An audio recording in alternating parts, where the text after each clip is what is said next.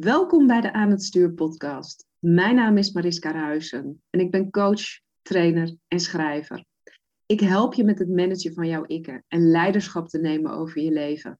En dat gaat verder dan alleen controle krijgen over negatieve en kritische stemmetjes in je hoofd, heb ik gemerkt. Leiderschap nemen over je leven betekent in contact staan met de diepste delen in jouzelf. Je archetypes herkennen is de eerste stap. Echte vrijheid ontstaat bij het volledig belichamen ervan.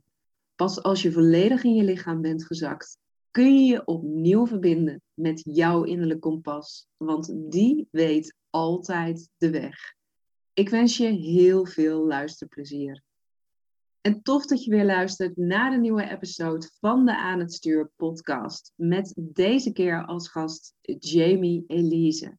Ze is ook wel bekend op Instagram onder de naam Healing Painful Sex. Jamie helpt vrouwen die pijn ervaren tijdens het vrije of überhaupt niet tot penetratie kunnen komen omdat dat zo ontzettend pijnlijk is.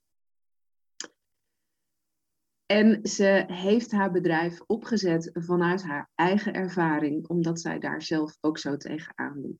Jamie is net zoals ik een afgestudeerd jurist. Dus je kunt je voorstellen dat de switch van jurist naar sekstherapeut best een heel erg grote is. En dat je dan natuurlijk ook wel met vooroordelen te maken kunt krijgen. Dat en meer bespreek ik met Jamie in deze podcast. Heel veel luisterplezier. Welkom Jamie, wat leuk uh, om jou in de podcast uh, te mogen ontmoeten. Um, ik weet nog niet heel erg veel van het werk wat je doet, maar uh, toen ik op Instagram jou zag, Healing Sexual Pain, toen dacht ik, hey, dat is iemand die ik in mijn podcast wil. Want ik ben er in ieder geval achter gekomen in alle gesprekken die ik tot nu toe uh, met professionals heb gehad, die heel erg werken met het archetype van de sensuele vrouw. Uh, ja, dat er heel erg veel aspecten natuurlijk zitten aan sensualiteit en seksualiteit. En um, ja, er zijn inderdaad heel veel vrouwen bij wie het gewoon allemaal niet zo prettig is. Die het liever uit de weg gaan omdat het zo pijnlijk is. En nou, toen ik zag dat jij daarmee werkte, toen dacht ik, nou, volgens mij kunnen wij een heel mooi gesprek gaan hebben in de podcast. Uh, dus welkom en um, ja, kun je wat meer vertellen over wie jij bent, wat je doet en um, ja, misschien ook wel waarom je juist dit bent gaan doen. Ontzettend bedankt voor je, voor je uitnodiging. Ik ben inderdaad um, hard op weg om het taboe rond uh, wat nog steeds op pijn tijdens het vrije rust uh, te doorbreken. Um, en dat kan ik niet alleen. Dus ik ben uh, heel erg blij met deze uitnodiging. En um, ja, hoe, hoe ik hierin ben gerold. Um, ik, ik begin het verhaal altijd, en, en, dat is nu, hoe lang is dat geleden? Zes jaar geleden. Toen was ik 23 en toen uh, stond ik op het, uh, op het podium van de Erasmus Universiteit in Rotterdam. Mm. En daar mocht ik mijn masterdiploma in ontvangst nemen. Um, en iedereen die dacht dat ik het voor elkaar had, want uh, nou, masterdiploma op je 23ste, uh, poepoe, nou nou. Um, zelf zag ik dat iets anders, want ik, uh, ik had niet alleen een masterdiploma, ik had ook paniekaanvallen en een eetstoornis. Um, en ik was er heilig van overtuigd dat er iets mis was met mijn lichaam. Um, het was in mijn ogen niet alleen te dik, maar het functioneerde ook niet, want seks was pijnlijk. Mm. Altijd. Vanaf de allereerste keer op mijn zeventiende tot dat moment was het, was het pijnlijk. En die pijn heeft zich in die jaren gevarieerd van inderdaad penetratie echt compleet totaal onmogelijk tot, mm -hmm. nou, ik zit het wel gewoon uit met mijn kiezen op elkaar mijn ogen dicht, want mm. mijn lichaam werkt gewoon niet. En inderdaad ook gewoon geen besef van dat pijn tijdens het vrije echt niet normaal is. We groeien natuurlijk op met um, een ontmaagding hoort pijn te doen. Dat is absoluut niet waar, maar daar groeien we wel mee op. Um, en, en ik zat echt vast in enerzijds, er is iets mis met mijn lichaam en ik schaam me kapot hiervoor. Mm -hmm. um, en ja, die pijn, het, het zal wel, dit zal seks wel zijn. En ik, en ik zit het maar gewoon uit om, om, om mijn vriend bij me te houden en om te voorkomen dat hij het buiten de deur gaat zoeken. Um, dus dat is heel lang mijn verhaal geweest, tot ik op een gegeven moment, ja, ik, ik noem het echt als, als donderslag bij heldere hemel, een soort kwartje, of nee, eigenlijk een briefje van 500 viel. En ik dacht, oh, wacht eens even, ik word geboren met mijn seksualiteit in mij. Als ik doodga, neem ik het weer met me mee. Het is van mij. Het is van niemand anders. Het zit in mijn lichaam. En ik mag hier ook van genieten. Het is niet iets wat ik moet doorstaan of uit moet zitten of aan een man geef om hem tevreden te houden. Het is van mij. Ehm, en dat, dat kwartje of briefje van 500 heeft er eigenlijk voor gezorgd dat ik ehm, echt uit ben gaan zoeken wat er nou precies met mij aan de hand was. Ehm, en toen kwam ik erachter dat uh, wat ik had een naam heeft, dat dat vaginisme heet. Mm. Ehm, en ehm, ik vind het nog steeds shocking hoe weinig daarover bekend is. Maar dat, daar kunnen we het misschien later nog over hebben. Dat is weer een heel ander verhaal. Yeah. maar ja, toen ben ik mijn eigen ontdekkingsreis gestart daarin. en uh, heb ik vaginisme eigenlijk bizar snel overwonnen, gezien het feit hoe lang ik er al mee liep. Ik heb er tien jaar mee rondgelopen. Ehm, en toen inderdaad aan de hand van mijn eigen ervaring een, een programma ontwikkeld, Path to Pleasure, dat is mijn coachprogramma. Um, en daarmee help ik vrouwen dus ook binnen drie maanden um, om pijn tijdens het vrije vergoed te, te overwinnen. Wauw. Wat een, uh, wat een verhaal. Maar ja, wel heel mooi wat jij zegt van jouw inzicht. Van goh, seks, dat is iets waarmee ik geboren ben. Dat, dat, dat is van mij, mijn genot. is dat voor jou ook het kantelpunt geweest waardoor je je van die vaginismeklachten hebt weten te bevrijden? Of was daar nog veel meer voor nodig? Um, het, is, het is wel het kantelpunt geweest, omdat ik daarvoor zo vast zat in schaamte en er echt van overtuigd was dat er iets mis met me was en, en niemand mocht het weten. Ehm, en wat eigenlijk de, de aanloop naar dat kantelpunt was, was dat ik um, een hele lieve vriend kreeg. Um, ik, had, ik had wel eerder relaties gehad, maar ja, waren we ook jonger, waren we een jaar of twintig. En die mannen hadden niet door dat het bij mij pijn deed. En ik lag dan maar gewoon zo op elkaar. maar op een gegeven moment kreeg ik een hele lieve vriend en die zei, joh, ik zie dat ik je pijn doe. En, en, en dat wil ik niet op die manier. en door inderdaad gesprekken met hem vielen er steeds meer kwartjes dat ik dacht, ja, dit is volgens mij niet normaal dat het, dat het, uh, dat het pijn doet. En um, hier moet toch iets aan te doen zijn. En nou ja, toen kwam inderdaad het kwartje van, oh, mijn god, mijn seksualiteit is van mij. In de allereerste plaats is het van mij.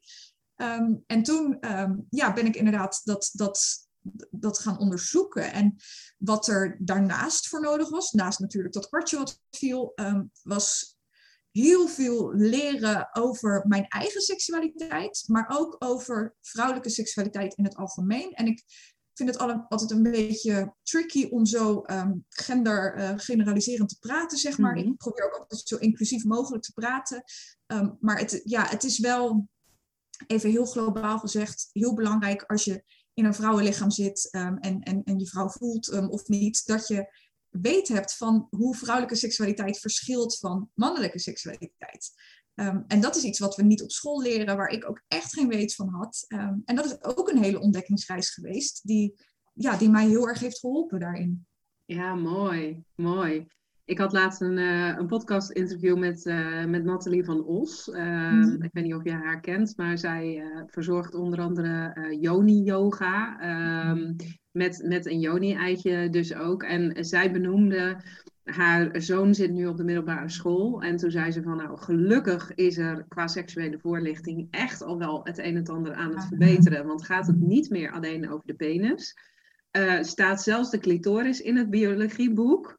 Ehm, dus dat is al een hele stap vooruit. Maar ze zei ja, vervolgens was daar helemaal geen omschrijving of iets van ja, wat die clitoris dan precies uh, voor je doet. En, en daar begint het inderdaad al. Want ja, volgens mij weten heel veel vrouwen uh, dat niet. Um, toen ik voor het eerst het boek van Regina Thomashauer, Pussy, las, en ik dus las van, nou, uh, 8000 zenuwuiteinden alleen op je clitoris. En, en ja, het heeft geen andere functie dan het bezorgen van, van genot. Toen dacht ik, wauw, wij zijn zoveel krachtiger en, en zoveel magischer dan dat we uh, ons beseffen. Uh, dus ja, ik kan me heel goed voorstellen dat dat voor jou inderdaad ook een hele ontdekkingsreis is geweest. Ja, ja ik, inderdaad super mooi dat voorbeeld wat je noemt van die clitoris. Want dat is iets um, waar ik me ook over blijf verbazen. Dat ik denk, waarom in vredesnaam leren we op school dat een man inderdaad een erectie nodig heeft voor, voor penetratie. Maar leren we niets over het feit dat A, je clitoris ook, een, eh, ook erect wordt, dat, dat daar ook een erectie ontstaat. En B, dat het voor een vrouw ontzettend belangrijk is om ontspannen bekkenbodemspieren te hebben voor die fijne penetratie. Horen we niks over. Het is enkel en alleen een erectie voor de man en dan is penetratie mogelijk, want dat gat bij jou zit er al. Ja, zo werkt het niet helemaal natuurlijk. Nee, verre, verre van. Um, nee, dat vind ik mooi dat je dat aanhaalt, die ontspannen bekkenbodemspieren. Want ik denk dat dat ook een belangrijke oorzaak kan zijn van vaginisme. Uh, wat, wat zijn naar jouw idee uh, de belangrijkste oorzaken waardoor wij vrouwen daar beneden veel te veel aangespannen zijn? Oeh, mooie, mooie vraag. Hier word ik heel enthousiast van. Dus uh, onderbreek me vooral als je denkt, uh, ho, spraakwaterval. Um, maar dat, het, het zijn verschillende um, facetten. Eigenlijk de eerste, um, dat is wat er gebeurt als je uh, spontaan eigenlijk last krijgt van pijn tijdens het vrije. Dus je hebt er niet al je hele leven last van. En het is ook niet het gevolg van een, een, een traumatische seksuele ervaring of een vervelend gynaecologisch onderzoek. maar je hebt eigenlijk ineens last van pijn tijdens het vrije dan vind ik het altijd heel belangrijk dat je je afvraagt van, heb ik de afgelopen periode toevallig heel veel stress gehad? Um, omdat ontzettend veel vrouwen stress opslaan in hun bekkenbodemgebied. En dat gebeurt ongemerkt, net zoals dat veel mensen um, hun kaak aanspannen. Zonder dat ze het doorhebben, dus als ze gespannen zijn. Um, net als dat mensen dat doen, slaan sommige mensen, met name vrouwen, die stress en spanning op in hun bekkenbodemgebied. En dat uh, zorgt er dus eigenlijk voor dat jouw bekkenbodemspieren in een permanente staat van verkramping um, zitten. En dat is wat je vagina vernauwt. En dat is ook wat, wat die uh, penetratie pijnlijk of onmogelijk maakt. Um, dus dat is een, een hele belangrijke oorzaak, stress eigenlijk, opslaan in je bekkenbodemgebied. Um, en daarnaast, wat er gebeurt eigenlijk als je last hebt van, van echt vaginisme um, uh, of pijn tijdens het vrije, dus dat die penetratie echt, zolang als je je kan herinneren, pijnlijk of onmogelijk is geweest, of na een vervelende gebeurtenis, is dat in jouw onderbewustzijn zit er een, een, een, onbewuste angst voor penetratie. En dat, dat klinkt heel gek misschien, um, maar in jouw hersenen heb je een gebied dat heet het limbisch systeem. en dat functioneert eigenlijk als een, als een intern alarm. Um, en zo de, als jij dus onbewust bang bent voor penetratie, dan gaat dat alarm af. En dat alarm zorgt er eigenlijk voor dat jouw lichaam zichzelf tegen penetratie in bescherming neemt. Um, en dat gaat allemaal ongewild, onbewust, zonder dat je het door hebt. Want als het goed is, wil je natuurlijk niets liever dan fijne seks met de persoon die naast je ligt. Um, maar onbewust heeft je lichaam zoiets van, oh, stop, komt er niet in. en wat ik heel vaak van vrouwen hoor, is dat eigenlijk dat ze nog veel meer zoiets hebben van traumatisch hebben meegemaakt. Er is nooit iets vervelends gebeurd, maar toch werkt die seks of die penetratie eigenlijk, die werkt niet. En ik ben eigenlijk van mening dat, dat de manier waarop wij als jonge vrouwen opgroeien met seksualiteit in deze maatschappij heel erg bijdraagt, al dan niet de, de allergrootste oorzaak is uh, van die onbewuste angst voor penetratie. Want wat we met name als, als jonge meisjes, als, als jonge vrouwen horen over seks is... Kijk uit dat het niet tegen je zin in gebeurt. Niet s'avonds alleen door het park lopen. Kijk uit voor ongewenste zwangerschappen. Kijk uit voor ziektes. Kijk uit voor SOA's. Kijk uit dat je geen slet bent, want dan wil helemaal niemand je meer. Geef je maagdelijkheid niet zomaar weg. Kijk uit, gevaar, gevaar, gevaar. Error, error, error. Um, en dat zou nog niet zo erg zijn als we daarnaast um, ook zouden horen dat seks ook heel mooi kan zijn heel verbindend, heel fijn. Uh, maar dat horen we niet, want dat is taboe en daar praat niemand over. Um, dus ja, als jij van jongs af aan bestookt wordt met error, gevaar, eh, eh, eh, is het dus niet zo gek dat je die angst volledig internaliseert. Um, en, en, en dat die zich dus volledig nestelt in jouw onderbewustzijn. Um, en dat jouw lichaam zich op dat moment dus echt afsluit. Dat, jou, dat jouw onderbewustzijn denkt, gevaar, stop, ho. Um, en dat is eigenlijk wat er gebeurt als je, als je last hebt van vaginisme. Hmm. Dus als jij met vrouwen aan de slag gaat, dan ga je dus niet alleen aan de slag met ontspanningsoefeningen voor dat bekkenbodemgebied, maar dan ga je dus ook heel erg werken aan het omkeren van overtuigingen die uh, op onbewust niveau leven bij uh, vrouwen. Ja, het is echt um, een, een, een vaginisme is een disconnectie tussen je mind en body. En je gaat er dus eigenlijk voor zorgen dat die weer gaan samenwerken. Um, en dat is ook de reden dat, dat heel veel vrouwen met vaginisme, die gaan naar de bekkenbodemspecialist. Ehm, en of het werkt helemaal niet, dat traject bij de bekkenbodemspecialist. Of um, ze kunnen bij de bekkenbodemspecialist wel ontspannen, maar in de slaapkamer niet. Omdat ah, seks een hele andere situatie is dan natuurlijk de behandelkamer. Tenzij je een hele knappe bekkenbodemspecialist hebt of dergelijke. kan allemaal. Ehm, maar ja, dus, dus wat, wat, wat je dan echt mag doen is of naar een bekkenbodemspecialist en een seksoloog, zodat je ook die overtuigingen gaat aanpakken. Of naar een vaginismecoach. Er is, um, het is nog een heel nieuw concept. Ik doe het en volgens mij is er nog één andere in Nederland. Um, En dan pak je, pak je alles dus in één keer aan.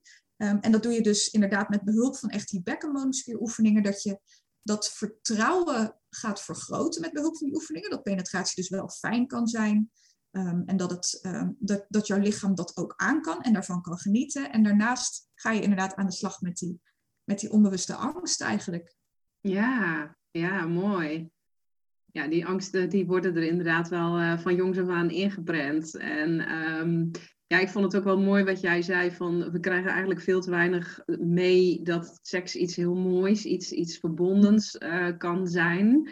Um, nou ja, ik ben in ieder geval opgegroeid met ouders die mij geen enkele vorm van seksuele voorlichting uh, gegeven hebben, of in ieder geval minimaal. Mijn moeder was ook al op de veertiende samen met, uh, met mijn vader en dat is gewoon ook nooit meer uh, stuk gegaan. Dus ja, die, die hebben dat langzaamaan met elkaar verkend.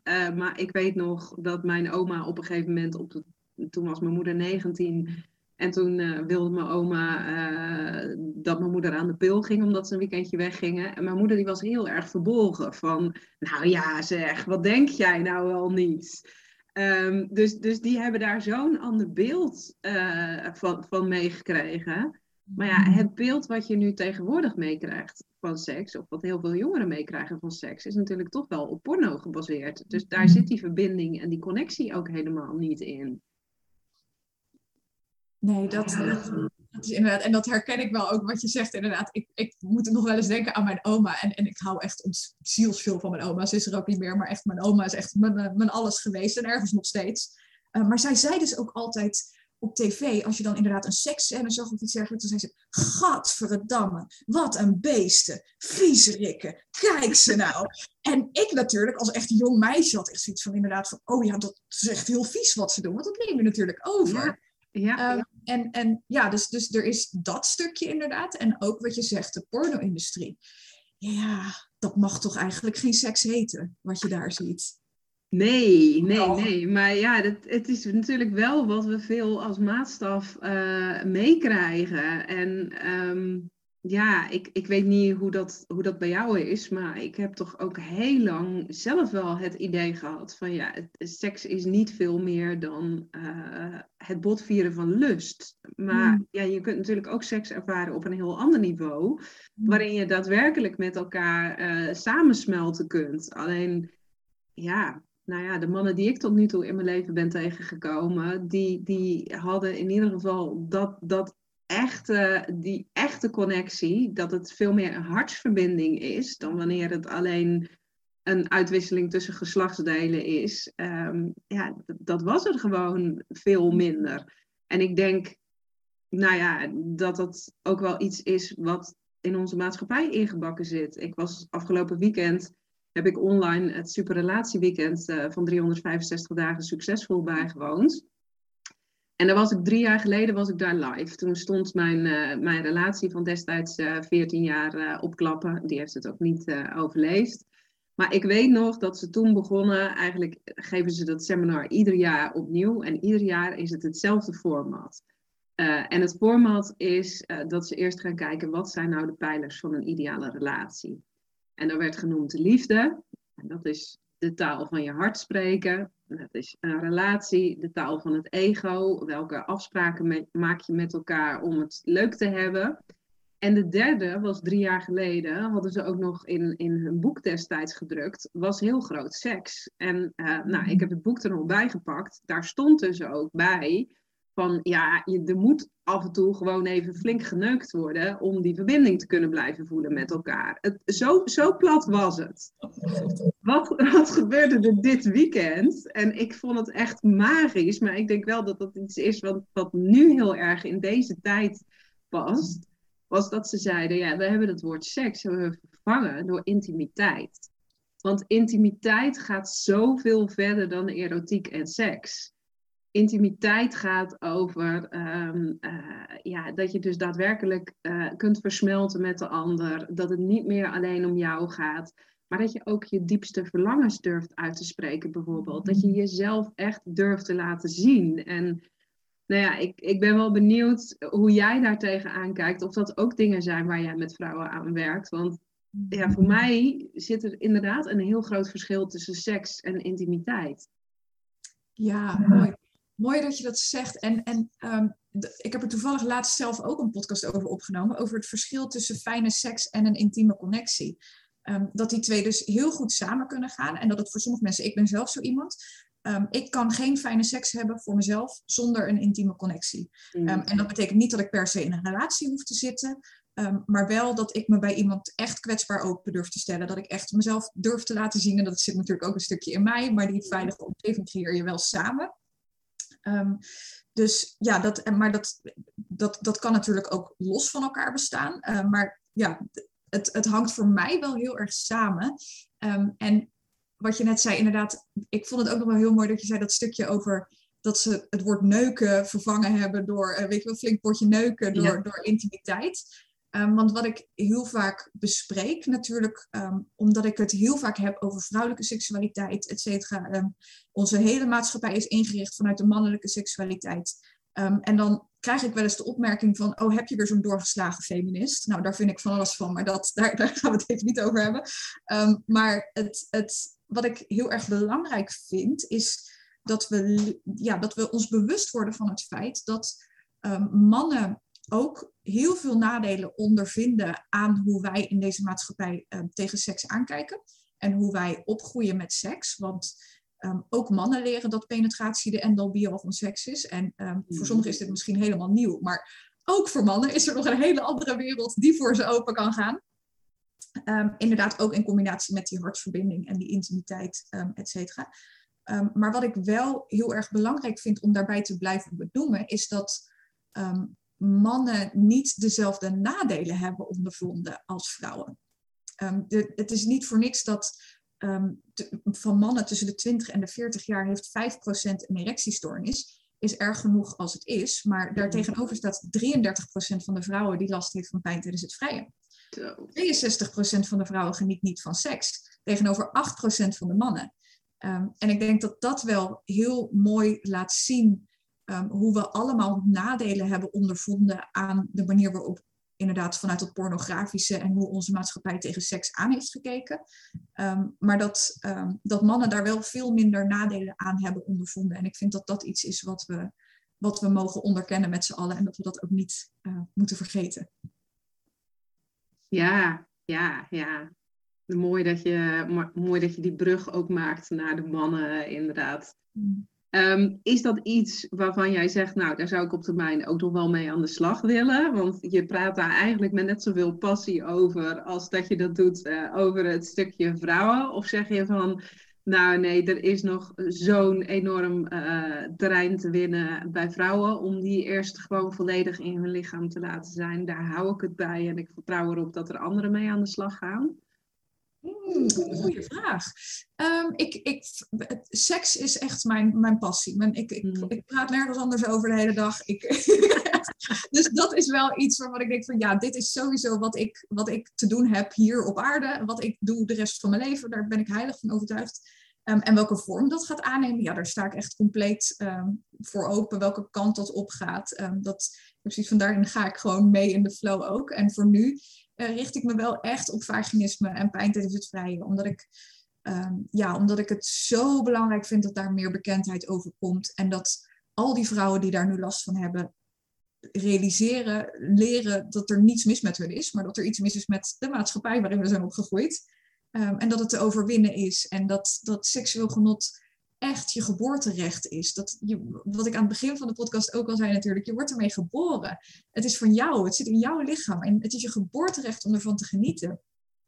Um, en dat, um, ja, dat vind ik ook altijd heel belangrijk om te benoemen, omdat ik, um, ik zie dat bij veel vrouwen en ik heb er zelf ook op die manier in gestaan dat ik dacht, als ik die vaginisme nou maar overwin, dan kan ik van seks genieten. Als ik die vaginisme naar me overwin, dan ben ik een volledige vrouw. Dan ben ik hmm. volwaardig. Um, is natuurlijk helemaal niks van waar. Het, het, overwinnen van vaginisme zorgt er letterlijk enkel en alleen voor dat je één seksuele handeling, penetratie, hmm. aan je seksuele ervaring kan toevoegen. Ehm, ook als je vaginisme hebt overwonnen, uh, kun je nog steeds seks hebben zonder penetratie, omdat je, omdat je hoofd er gewoon even niet naar staat, of je lichaam, of whatever.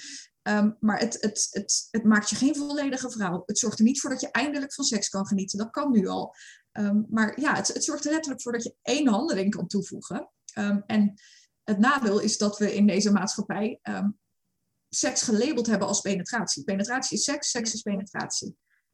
en dat, dat vergroot dat gevoel um, van, oh god, er is iets mis met me en ik kan geen seks hebben, um, als penetratie dus niet lukt. Ja, ja. Heb jij, um, want je begon je verhaal heel mooi met, uh, nou, ik heb mijn masterdiploma op zak. Ik neem aan dat dat geen master in seksuologie was. Oh nee hoor. Nee. Dat, was, uh, dat was een master in strafrecht. Ja. Ah, oh, nou dan hebben we iets gemeenschappelijk. Oh, ik heb uh, eh, 15 jaar lang bij het OM gewerkt. Oh, ja, ja, ik, ik heb ook een. Zo had ik het gezien. Um, maar, nou ja, dan, dan snap ik nog beter. Uh, ik bedoel, van jurist omschakelen naar uh, de hele dag bezig zijn met seks. Um, dat kan natuurlijk ook reacties oproepen vanuit je omgeving. Um, is, hoe ben jij daarmee omgegaan? Want ik zie toch ook al heel veel vrouwen in mijn praktijk in ieder geval, die zeggen van ja, ik zou eigenlijk wel dit willen doen. Dit is mijn roeping. Mhm. Maar wat gaan anderen daarvan vinden? Uh, het is natuurlijk, ja, hoe je het ook bent of keert, ondanks dat het je geboorterecht is. En als je het eenmaal hebt ontdekt, dan wil je nooit meer zonder. Um, maar het is en blijft een controversieel onderwerp. En helemaal om daar als vrouw je werk van te maken, als je ook een master strafrecht op zak hebt. ja. ja, mooie vraag. Um, het, is, het is heel grappig, want nu zie ik het dus helemaal niet meer als een controvers controversieel onderwerp. Ik, ik, echt, ik adem seks, ik leef seks, ik denk seks, ik droom seks. En met name um, op het gebied van inderdaad dat creëren van seksueel genot voor iedereen. Omdat ik geloof dat er zo'n kracht in zit. Het is zoiets moois, zoiets verbindends. Um, dus, maar ik, ik kan me nog wel heel goed herinneren dat inderdaad toen ik hiermee begon, ja, wat had ik toen nodig? Heel veel kalmerende theetjes, af en toe een glas wijn. En echt, oh god, ga ik dit echt doen? Um, maar het, het, het was net alsof ik, en, en dan, dan ga je misschien een beetje de spirituele kant op, inderdaad, wat jij zegt. Uh, wat, oh, dat zei je even voordat we de opname starten. Ja. mij dat, dat heel veel vrouwen dat ook moeilijk vinden om te omarmen. En ja, dit voelde echt als iets wat, wat groter was dan ik zelf. Want ik, Um, had wel al vrij snel besloten dat ik iets met coaching wilde doen en ook iets met vrouwen. Maar gek genoeg ging dit belletje nog niet rinkelen. Ik had wel zoiets van, nou, nee, eetstoornis, dat trekt me niet, dat heb ik overwonnen, dat, dat is niet mijn, mijn passie, dat, dat ligt me niet. Toen dacht ik, nou, relaties, maar even tussen jou en mij.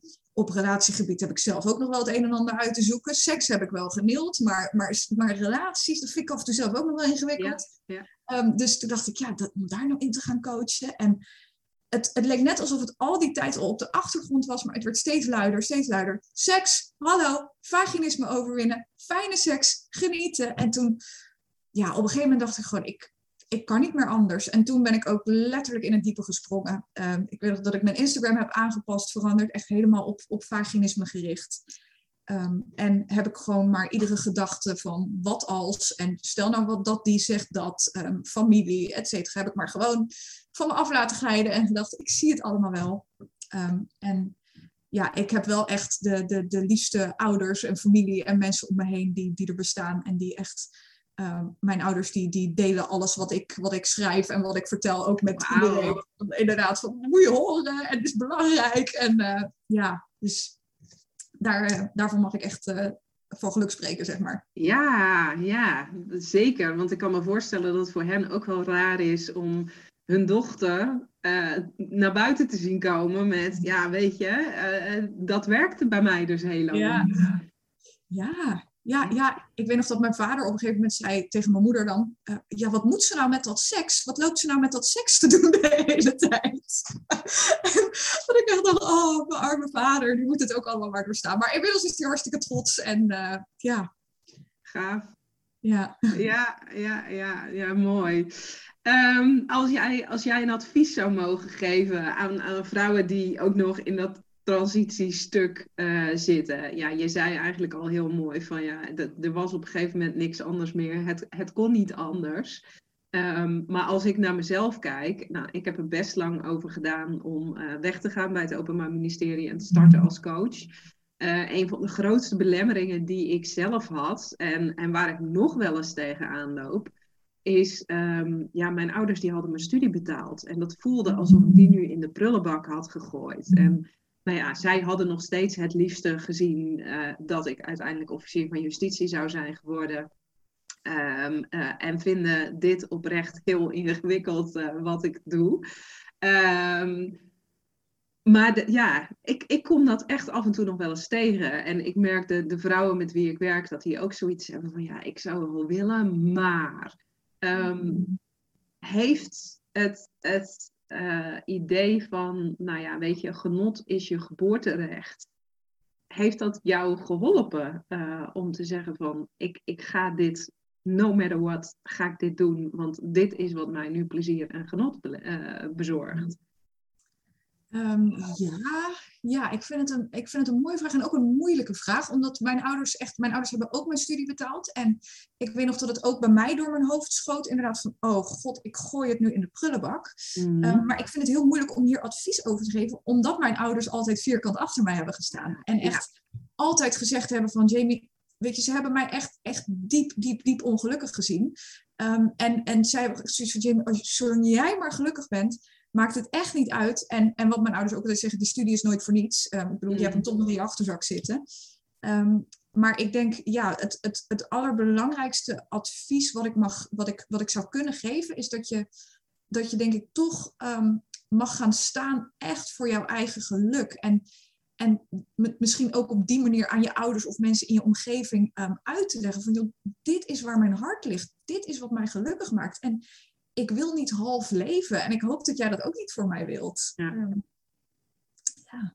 Maar het, ja. lijkt me, het lijkt me ontzettend lastig. En ik ben ontzettend dankbaar dat, dat mijn ouders altijd zo vierkant achter mij hebben gestaan. En dat ik nooit van hun heb gehoord van, joh, weet je wat, mijn vader had ook echt de droom dat ik officier van justitie zou worden. Dat heeft hij echt van jongs af aan gezegd. Van, zo, er zit echt, dat hij zegt het nog wel eens, er zit echt een officiertje in je. Ja, ja, ja. Uh, en, en ja, ja, dus ja, ik, ik, ik ben ontzettend dankbaar dat ze ondanks dat altijd hebben gezegd van, ga doen waar jij gelukkig van wordt. Um, want dat, ja, dat heeft mij wel heel erg geholpen. Het lijkt mij heel lastig als dat inderdaad niet het geval is. Als je ouders echt zoiets hebben van, waar ben je in vredesnaam mee bezig? Hou er eens mee op. Ja, ja, ja. nou ja, dat, dat hebben ze nu niet meer uh, in die mate. Maar nog wel regelmatig dat ze zeggen van, uh, ja, weet je het was toch allemaal een stukje makkelijker toen je in loondienst zat. En toen had je een pensioen. En um, toen was alles goed voor je geregeld, had je vakantiegeld. En ja, waarom maak je het jezelf zo ingewikkeld? Um, ja, ook, ook wel dat stukje. Maar ja, inderdaad,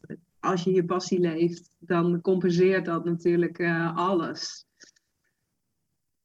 Wat is het belangrijkste advies, of nou ja, de belangrijkste tip die jij vrouwen mee zou kunnen geven, um, die wel eens pijn ervaren bij, uh, bij het vrije? Want nou ja, jij hebt het steeds over vaginisme, maar ik kan me voorstellen dat er ook inderdaad vrouwen zijn waar, waar je aan het begin van het gesprek mee kwam van als je een hele stressvolle periode hebt, ja, dan kan het ook ineens uh, pijnlijk gaan zijn.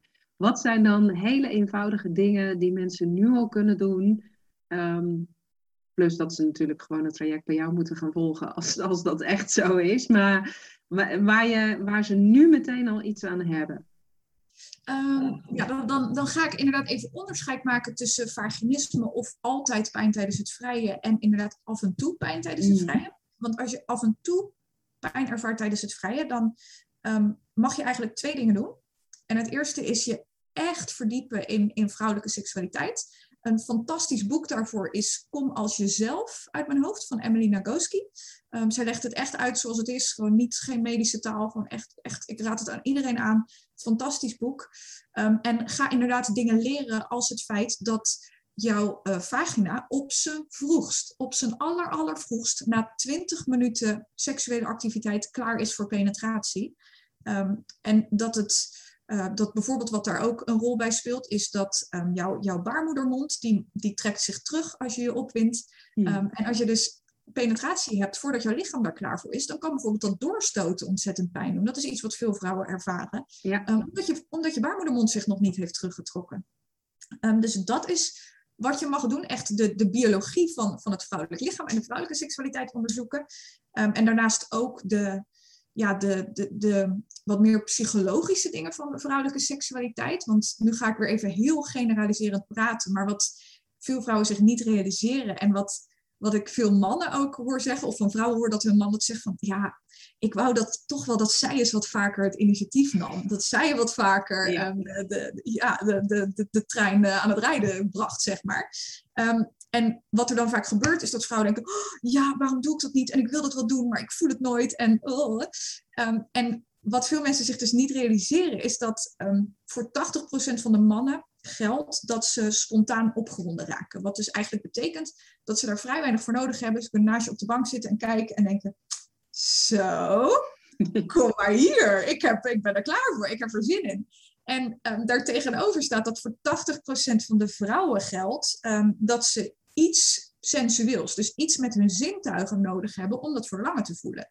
Um, dat betekent dat je iets van een aanraking of een, een, een beeld of een, uh, een bepaalde zoom, iets nodig hebt om dat verlangen te gaan voelen. Um, een beetje een gevaarlijke discussie die daar weer aan hangt is, um, je moet maar verlangen creëren of je moet maar zin creëren. Mm. blijf altijd inderdaad bij jezelf voelen of je dat verlangen inderdaad voelt ontspringen of dat dit gewoon echt het moment niet, niet is, om wat voor reden dan ook. Maar dat is dus de psychologische kant een beetje van vrouwelijke seksualiteit. Ga je daarin verdiepen. En daarnaast, als derde, ik geef veel meer tips. Volgens mij zei ik. Want ik zei, ik, ik kan echt een spraakwaterval worden ja. hier, hierover. Um, maar als derde tip mag je echt um, gaan kijken wat, wat het nou is dat ervoor zorgt dat jij het zo moeilijk vindt om te zeggen stop. Ik wil geen penetratie op dit moment. Het is te vroeg voor penetratie. Het doet pijn. Stop. Um, en, en dus wat zit erachter? Angst voor afwijzing, angst om teleur te stellen. En dan mag je echt um, daarmee aan de slag ook. Mm. Waarom laat jij jezelf in de steek om een ander te pleasen? Terwijl de kans heel groot is dat als jouw man erachter komt dat hij jou pijn aan het doen is, die zoiets heeft van: oh, Ik wil jou helemaal geen pijn doen, waarom laat je dit gebeuren? Ja. Um, dat is dus als je inderdaad af en toe last hebt van pijn tijdens het vrijen. Als je last hebt van vaginisme, um, ga alsjeblieft je lichaam ontdekken. Ga alsjeblieft kijken wat er gebeurt als jij met een spiegel naar je vulva vagina kijkt. Um, als je met een vinger in de buurt van je vagina mond komt, wat voor reacties roept dat op? Schrik je daarvan? Um, um, roept het afschuw op? welke natuurlijke dingen van jouw seksualiteit vind je eigenlijk vies of gênant? Bijvoorbeeld vulvahaar, vaginavocht, afscheiding. heb je moeite om de controle los te laten? Ben je eigenlijk in een permanente stand van verkramping in je relatie of in je dateleven? Ja, dus eigenlijk als je echt last hebt van vaginisme, ga inderdaad eens kijken naar uh, welke natuurlijke dingen van jouw seksualiteit roepen een beetje een, een uh, reactie op. Mm. En ga dat eens onderzoeken. Ja, ja, mooi. Heel mooi. En, en, ja, ik denk dat sowieso die stap, daar had ik het in een podcast met Nathalie ook over, die stap om naar jezelf te gaan kijken met een spiegel, dat is, dat is voor veel vrouwen natuurlijk al echt een ding. Want ik moet heel eerlijk zeggen dat het bij mij ook even duurde voordat ik de schoonheid ervan kon inzien hoor. Ja. Uh, als je er naar kijkt, dan heb je in eerste instantie toch zoiets van: uh, oké, je, je moet daar echt de tijd voor nemen om te zien hoe bijzonder het inderdaad is dat het uit zichzelf vocht produceert, dat er allerlei kleuren in zitten. Um, uh, ja, en, en dat het eigenlijk een heel mooi, teer en kwetsbaar gebied is. Maar doordat we dat niet hebben geleerd. En, en er dus inderdaad ook heel veel plaatjes in biologieboeken al uh, ontbreken daarover en, en het toch met name op de mannelijke seksualiteit is gericht, kan dat al heel veel ongemak geven, denk ik.